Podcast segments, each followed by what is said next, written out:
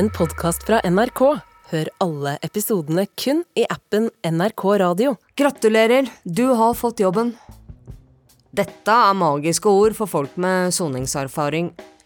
For når du slipper ut av fengsel, så står du jo uten en sjanse til et anstendig og lovlydig liv hvis du ikke får deg en jobb. Og det er et lite paradoks, for det er jo noe ingen egentlig er uenig i, at det er lurt at rehabiliterte kjeltringer, for å sette det litt på spissen, da, eh, kommer tilbake til arbeid. Og hvorfor er det da, når alle vil det samme, så vanskelig å få folk ut i jobb? Innsatte i norske fengsler lager radio. Du hører Røverradioen i NRK P2. Velkommen til Røverradioen. Jeg heter Nina, og i dag skal det dreie seg om noe som er megaviktig for meg, nemlig arbeid. Vi skal sparke i noen dører seinere i sendinga, men først så skal jeg fortelle om mine siste erfaringer på fronten arbeidssøking. Etter ti år som frihetsberøva i et høysikkerhetsfengsel sto jeg for et års tid siden utafor Grorud frivillighetssentral for å tilby min arbeidskraft gratis. Mm, Grorudhuset, som det kalles, eh, er et bosted og aktivitetssted for eldre i bydelen. Det møtet var avtalt på forhånd mellom Grorudhuset og fengselets Nav-representant. Jeg var kjempespent, men veldig redd også. Redd for å bli fordømt og forkasta, men samtidig klar for å vise at jeg kunne bidra med noe bra til samfunnet. Jeg ville bevise at jeg ikke lenger var den samme jenta som blei satt i fengsel. I Norge kan man få såkalt frigang i slutten av soninga si for å gjøre overgangen til friheten og samfunnet mer smidig, og det innebærer at man arbeider utafor fengselet på dagtid og drar så tilbake til fengselet for å ete og sove resten av døgnet. Det første møtet gikk over all forventning, og jeg blei godt mottatt av lederen der, og hun ga oppgaven med å gi meg jobben videre til sin høyre hånd. Og vi blei enige om at tre eller fire timer, ca. tre ganger i uka, var en bra start for meg. Jeg skulle blant annet være bingooppleser, jeg kunne hjelpe til med trening, og dessuten bidra med musikalske innslag da jeg spiller gitar og synger. Dette fikk meg i fyr og flamme, og jeg gikk straks i gang med å finne fram låter jeg tenkte de gamle ville verdsette, og som jeg tenkte kunne hjelpe dem å huske på glemte og godere tider. Grorudhuset trengte bare å bekrefte ansettelsen min til fengselet, sånn at de kunne utarbeide frigangsdokumenter. Og en ansettelsesbekreftelse trengte jeg også for å få henta ut den vandelsattesten som de ba meg om å legge fram. Det gikk noen uker, og av naturlige årsaker så var jeg utålmodig etter å komme i gang. Da blei det plutselig avtalt et nytt møte, og denne gangen skulle det foregå på B2, nemlig lavsikkerhetsavdelinga til Bredtvet kvinnefengsel. Representanten fra Grorudhuset, inspektøren ved fengselet og kontaktbetjenten min og jeg sjøl var til stede. Også denne gangen virka det som om jeg kom til å få jobben, selv om på dette møtet blei jeg møtt med noen det jeg syns var litt eh, rare spørsmål. Eh, hun spurte blant annet om ikke det kom til å bli vanskelig for meg å ikke naske, fordi jeg hadde jo en rusmiddel- eller rusproblematikk fra før. Jeg blei skikkelig provosert av det spørsmålet, og jeg følte meg krenka, for jeg har aldri hatt for vane å, å stjele av folk. Men jeg svarte allikevel at det var ikke sånn jeg hadde finansiert rusmisbruket mitt. Og fengselet på sin side bekrefta at jeg kunne utføre alle oppgavene som en hvilken som helst annen frivillig eh, kunne eller ville gjøre. Så vi skiltes, og det virka som det kun gjensto formaliteter eh, før jeg kunne gå i gang og jobbe. Det gikk ennå en tid, evig lang eh, for meg, eh, men før noe skjedde. Men plutselig en dag så kom han ned på B2, og da sa hun at etter å ha rådført seg med kommunens juridiske avdeling, så var hun blitt frarådet fra å ansette noen som var under soning. Det eneste jeg hørte, var at jeg var totalt verdiløs og uønska, og at jeg ikke engang kunne brukes til å gjøre gratis arbeid. Følelsen av nederlag den var total.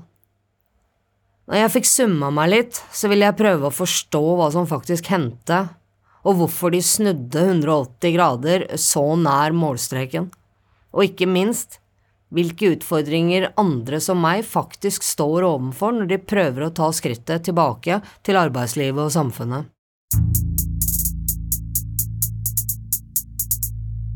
Gry Sjødin Jander, seksjonsleder ved kommunikasjon og servicetjeneste ved bydel Grorud, skriver i en e-post til Røverradioen. Vi kommenterer generelt ikke enkeltsaker i tilsetting eller andre avtaler. Men i alle ansettelser og avtaler skal ledere i bydel Grorud gjøre helhetlige vurderinger. I denne saken har bydelen gjort en helhetlig vurdering og konkludert med at vi på nåværende tidspunkt ikke kan tilby personen rollen som frivillig ved Grorudshuset Omsorg pluss.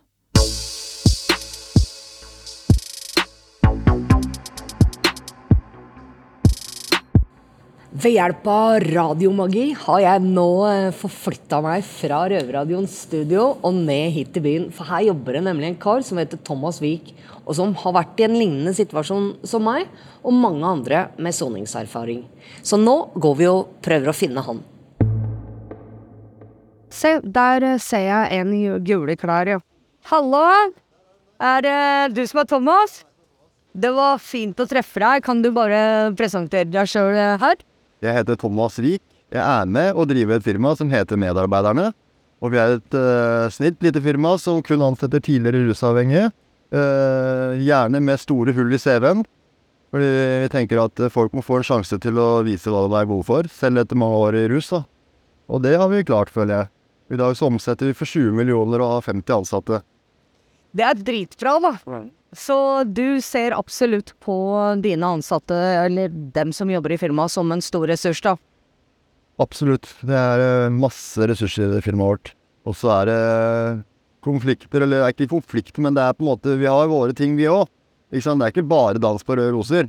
Eh, men sånn er det i livet generelt, da. Men eh, det er et veldig fint firma å jobbe i alt i alt. Ja, det tror jeg på, og det er vel kanskje litt mer takhøyde og litt mer eh, rom for medmenneskelighet og, og sånn også. Det tror jeg er kjempeviktig. Ikke bare for å få arbeidere som orker å yte mer, men uh, også for å få folk til å bli og være lojale. Ja. Ja. Det er viktig at folk trives. Det er klart. Så som sagt så skjer det ting, men uh, det er hvordan man løser det som er uh, hemmeligheten. Og dere er helt selvdrevne, ikke noe støtte fra Nav? Nei, nå er vi helt selvdrevne. Det har vært lenge. Vi begynte jo med tilskudd fra Ferd Entreprenørskap gjennom uh, dem sitt program. da. Mm. Og Chris Clemetvold, som var gründeren, han uh, brukte jo de til å begynne med. Men i dag så er vi helt selvutfor. Det Hva betyr det å få lønn fra første arbeidsdag der, rett i egen lomme, at du liksom er ja, en arbeidstaker på lik linje med andre? Det betyr at du på en måte får tilbake stoltheten og, og troa på deg sjøl. Liksom, fordi jeg har gått så mange år i det som er tiltakssystem for Nav. 30 år fram og tilbake. Eh, der du blir putta i en eller annen eh, situasjon. Enten sortere mutter i kjelleren på et sted, eller eh, Og så får du penger av Nav, og så får bedriften penger av Nav også for at du er der. Og så er du der tre måneder, og så blir du kasta ut. Og så er det fram og tilbake. da, ikke sant? Eller gå med sånn tralle og få 300 kroner dagen. Og det er bra hvis du er der at du At det er det du trenger? Det ja, for det er absolutt mange som trenger det også. Absolutt. Ja. så vi ansetter folk eh, på helt vanlige arbeidsvilkår. Ja. Det eneste er at du må ha rusbakgrunn. Du må ha rusa deg og slutta med rus. Ja. Og ha lyst til å jobbe.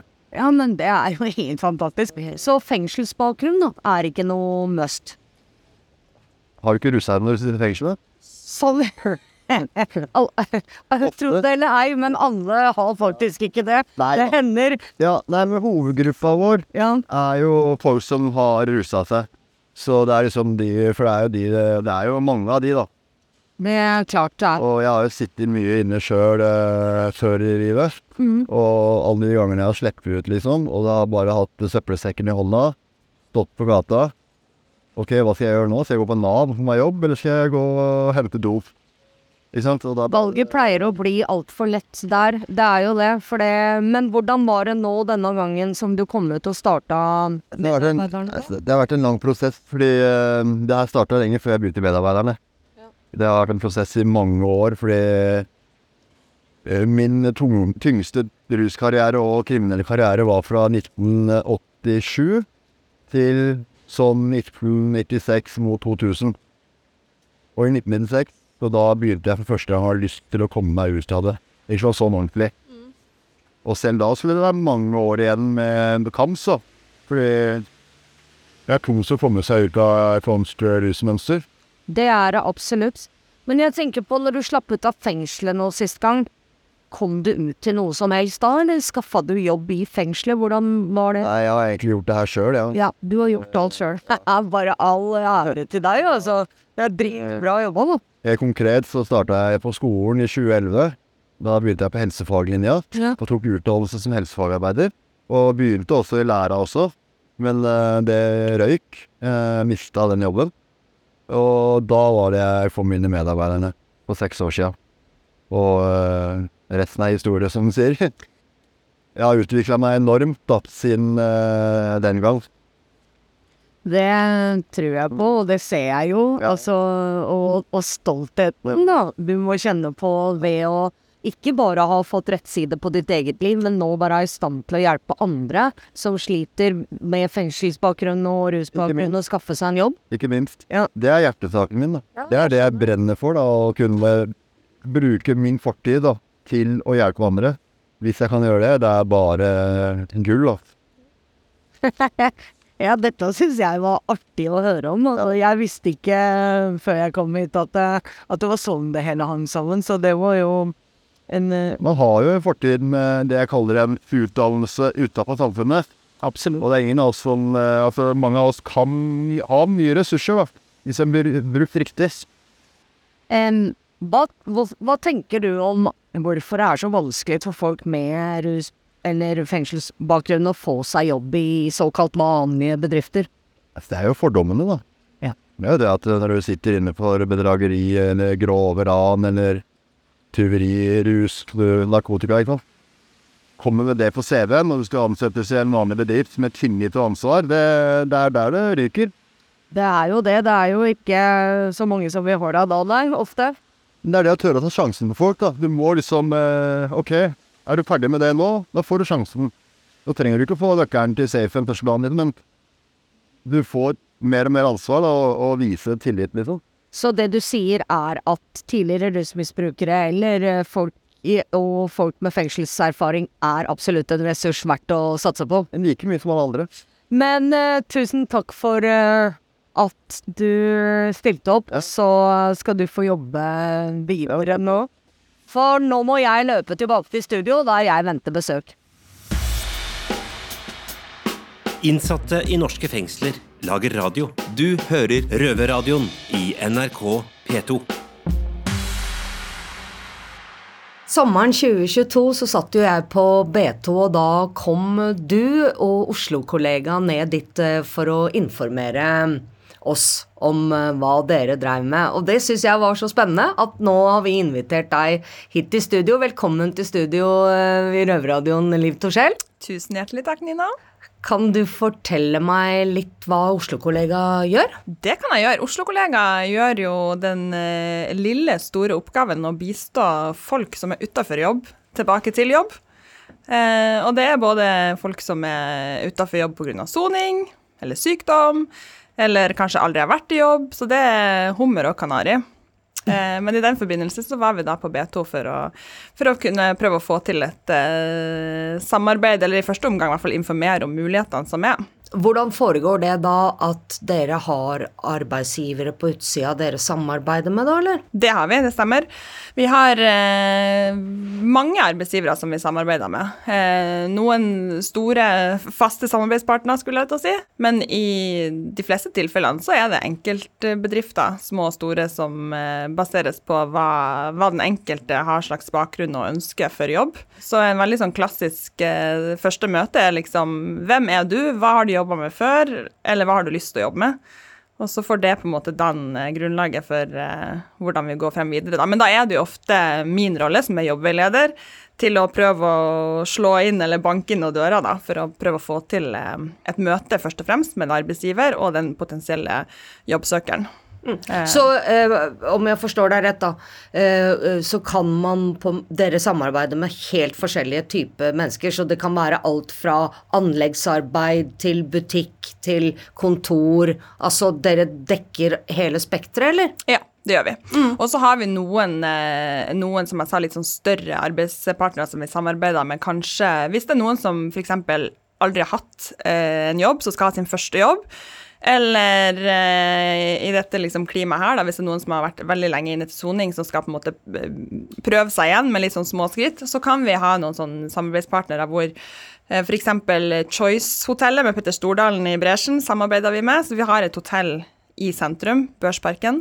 Kanskje et belasta område for noen, men eh, der har vi masse som, eh, av våre folk som er i arbeidstrening. Men når du sier arbeidstrening, er da deres klienter, da, for å bruke det uttrykket, primært da på form for tiltak, eller får eh, de fast jobb? De er, I starten så er det jobbsøkere, som vi kaller det. Og da eh, Nav er jo involvert i dette, slik at det er Nav som betaler for hele kalaset. Eh, og da er de på tiltak hos oss. Ja. Um, Og da har jo jeg et følgespørsmål Yes. på det. Er, det. er det vanskelig å få folk fra tiltak og over i jobb? Er det der Kanskje stopper opp der? Nei, jeg syns at når man først har kommet i Når man er i en arbeidspraksis da i tiltak, eh, i hvert fall hos en ordinær arbeidsgiver, så syns jeg at overgangen er lettere, fordi at da har de blitt kjent med deg. Da ser de at ok, Nina er jo kjempesuper dame, hun kan jobb, hun møter i tid, hun er en ressurs for oss. Så at man har først fått til det første møtet, og at man er i gang med en slags aktivitet, så er min opplevelse at arbeidsgivere at det er lettere å få dem med. Så det, det vanskeligste er det her i starten, at eh, å prøve å få til et møte med, med Nina som er under soning, ja, det syns de er skummelt, kan være. Så det er liksom det å prøve å, å gi nok eh, informasjon og trygge arbeidsgivere til at eh, ja, men ta et møte med oss, ta en kopp kaffe. Jeg er ikke farlig, Nina er ikke farlig, vi får det til. Ja. Ja. Så eh, det er det som er den, de største utfordringene du møter på da, når du prøver å skaffe folk arbeid? Skepsis hos arbeidsgivere, mener jeg. Ja, skepsis og eh, kanskje fremfor alt eh, lite kunnskap. At de ikke vet så mye om det. Det er vel kanskje det som er den største utfordringa med å bistå eh, innsatte som er i kriminalomsorgen, da, er at det er et så lukka samfunn. Slik at uh, en ordinær arbeidsgiver som, som på en måte ikke, ikke kjenner til det, de har lite informasjon om det. Og da er ofte fantasien verre enn hva virkeligheten er. Absolutt.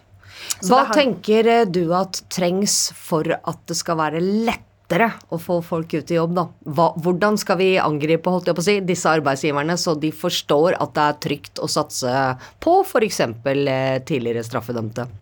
Det er et veldig godt eh, spørsmål. Det jeg tenker at vi trenger, vi trenger flere Um, Vi trenger flere arbeidsgivere som kan fortelle liksom, suksesshistorier, kall det det, da.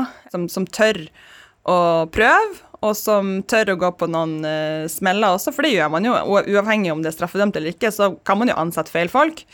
Men jeg tenker at man trenger å ha noen uh, arbeidsgivere som kan dele av sin erfaring. Um, og så tror jeg òg at eh, kriminalomsorgen er nødt til å brette opp armene og komme litt på banen og um, ja, informere litt om Informere, jeg vet ikke, men de må på en måte synliggjøre seg litt mer, og, og, og også være med på den biten som er rehabilitering, og ikke bare ha fokus på fengsling og sikkerhet og regler og rutiner, men også ha en, en lengre tanke på at folk skal ut. Um, og være med da på Om det er eventuelt å ha sånn som det her programmet som var Helene sjekker inn, hvor man på en måte får lov til å være med inn. Vanlige folk kan på en måte se litt. Eh, hva som skjuler seg bak de høye murene. Og så er jo det utfordringa der er jo ofte det at um, det er jo ganske modig av disse domfelte å skulle gå ut med fullt navn eller ansikt og fortelle sin historie, og at kanskje mange av de som gjør det, ikke nødvendigvis er gjennomsnittsdomfelte, hvis du skjønner hva jeg mener. At, at det kanskje er noen som um, ja, kanskje er med på å gjøre det bildet um, mer skummelt enn motsatt, da.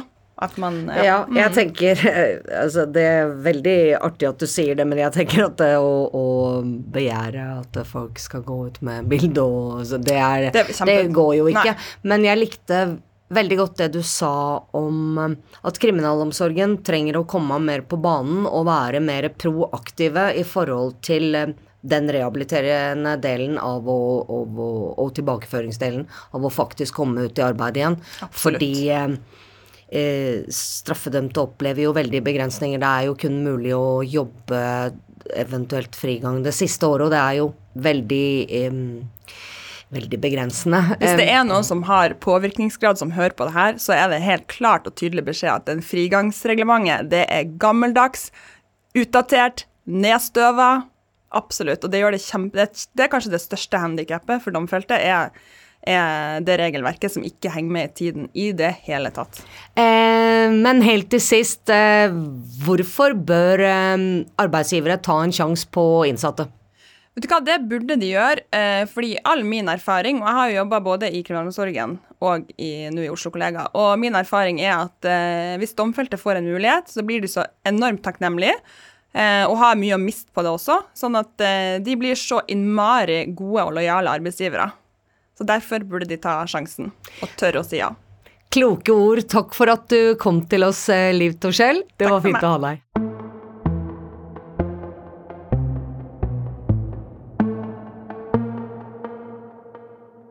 Her er jeg nå, plutselig, ved hjelp av magi, må vite. Transplantert meg selv til Blindern Universitet i Oslo. Det er for at vi prøver alltid å åpne dører for folk som er fengsla, og vi veit jo det at det er få ting som engasjerer folk, og kanskje da åpner dører mer enn det penger gjør. Og derfor er vi her for å få fatt i en samfunnsøkonom. Hei, hei. Nina fra Røverradioen her. Takk. Vi eh, lager et eh, program her nå om eh, viktigheten av å få folk ut i jobb. Ja. Og derfor, eh, siden du veit alt om penger da, og samfunnsøkonomi Det vet vi- ikke, men Jo, det veit jeg at du sikkert gjør, da. Så, så tenkte vi at vi skulle få deg til å finne ut hvor mye vi som skattebetalere kan tjene på å ha en straffa i arbeid kontra i fengsel. Ja, Det er jo helt åpenbart enorme gevinster. I det ene tilfellet så eh, produserer hun ingenting, eh, men eh, må vare, bli tatt vare på med vakthold osv. I det andre tilfellet så bidrar hun til samfunnsøkonomien minst med den samme produktiviteten som andre arbeidstakere. Så det er gevinster i to, to steder å hente. Både for det som bidrar med, og det vi slipper av utgifter i forbindelse med eh, ivaretagelse i fengsel. Men det kan jo være at vi for visse typer kriminelle handlinger så, eh, så vil det jo være eh, kanskje nødvendig med litt vakthold også i forbindelse med arbeidsoppgaver. Ja. Så en, en passe på at en ikke regner for dobbelt her. Men når det er sagt, så vil jeg bare si at, at det vil jo være store gevinster, selv om det ikke var liksom noe for skattebetalerne som viste seg direkte opp, ved at det vil jo være eh, En får jo en helt ny erfaring fra samfunnslivet, og sjansene for tilbakefall til kriminalitet vil være normalt mye mindre eh, ved at en har kommet inn i et nytt nettverk, et nytt eh, sosiale relasjoner, følt seg mer verdifull i samfunnssammenheng. Så selv om det ikke var noe gevinster liksom å hente for, for skattebetalerne, så vil det jo være store gevinster for den personen det gjelder. Jeg, du har ikke for- noe motargument fra meg der. Det er helt klart mange humanitære og menneskelige fordeler med det. Men og som også, tenker at spiller over, som også spiller over for hvordan samfunnet fungerer rundt de som tidligere har vært kriminelt belastet. Helt klart, men jeg er nå likevel litt opptatt av disse kronene Ja, ja. da. Sånn at hvis en, eh, en som sitter i et høysikkerhetsfengsel, Ja. koster eh, staten 1,6 millioner i året, Ja. hvor mye eh, kan vi tjene på å ha en fange et år i arbeid isteden, kontra å legge ut 1,6 millioner? To millioner To millioner spart istedenfor 1,6 millioner eh, i utgifter. Ja. For det vil være som jeg sa, det vil være minimum eh, en gevinst for samfunnet av jobben på 400 000. eh, og 1,6 eh, og blitt ivaretatt eh, av fengselsmyndighetene. Eh, det er ikke sikkert at bare å få én ut av fengsel. Det må jo være et stort antall her. for det, er jo store faste kostnader ved et fengsel. Men hvis du liksom tar, skalerer dette opp til å gjelde eh, alle de innsatte, eller mange av de innsatte, så vil det være den størrelsesorden to millioner spart. ja, Det er jo helt utrolig bra, da. Men det har jo vært programmer her eh, som har vært av den, den typen at en har forsøkt, i hvert fall etter en viss tid i soning, så, så, blir en uh, forsøkt uh, prøvd ut i, i, arbeidslivet. Så jeg tror erfaringene fra det er veldig gode. Uh, så det er klart Du klarer ikke å observere med en gang den store gevinsten at du trenger ikke bygge ut fengselsvesenet like mye som før. Det, det ser du ikke det, det, ser du ikke Det må du sammenligne over lang tid for å se at eh, med en viss eh, fengselshyppighet her, så er det ikke så like kostbart, for de kommer raskere tilbake til samfunnslivet og, og til, eh, til, arbeidslivet. Ja, det er klart det også at, også at et menneske som er mer lykkelig da, og produktivt, ikke bare i arbeid, men som du sa, den samfunnsøkonomiske gevinsten av, av, alt det andre positive det genererer, er, kan jo heller ikke bare måles i penger. Nei, og, og selv om de jeg må også være litt forsiktig. Jeg må, ikke, jeg må ikke være sånn kynisk at en bare ønsker å gjøre ting som er til eh, de ikke-kriminelles for, fordel. Det må, det må, være helheten her som teller. Og dette er jo viktige sosiale liv som har kommet kanskje litt skjevt ut i starten, eh, eller i en periode. Og da er det jo veldig masse å korrigere for, og mye nytte for den enkelte, lykkeopplevelse, menneskeverd for den enkelte å komme ut i arbeidslivet, samtidig som det er gevinster for samfunnet som helhet. Så det er liksom, En kan vinne på to fronter, så å si. Helt klart. Ja. Kloke ord. Nei, men eh, det var veldig fint at du kunne prate med oss. Og, det skulle være mange. Og da må jeg dessverre si at eh, Røverradioen er over for i dag, men vi er tilbake på fredag klokka 14.00 på NRK P2, eller Du kan høre oss på podkast når og hvor du vil. Hvis du ikke sitter i fengsel, naturligvis. Og dit skal jeg tilbake nå og sone hardt. Røverradioen er laga for og av innsatte i norske fengsel. Tilrettelagt for streitinga av Klynge for NRK og redaktør i NRK er Ole Jan Larsen. Du har hørt en podkast fra NRK. Hør alle episodene kun i appen NRK Radio.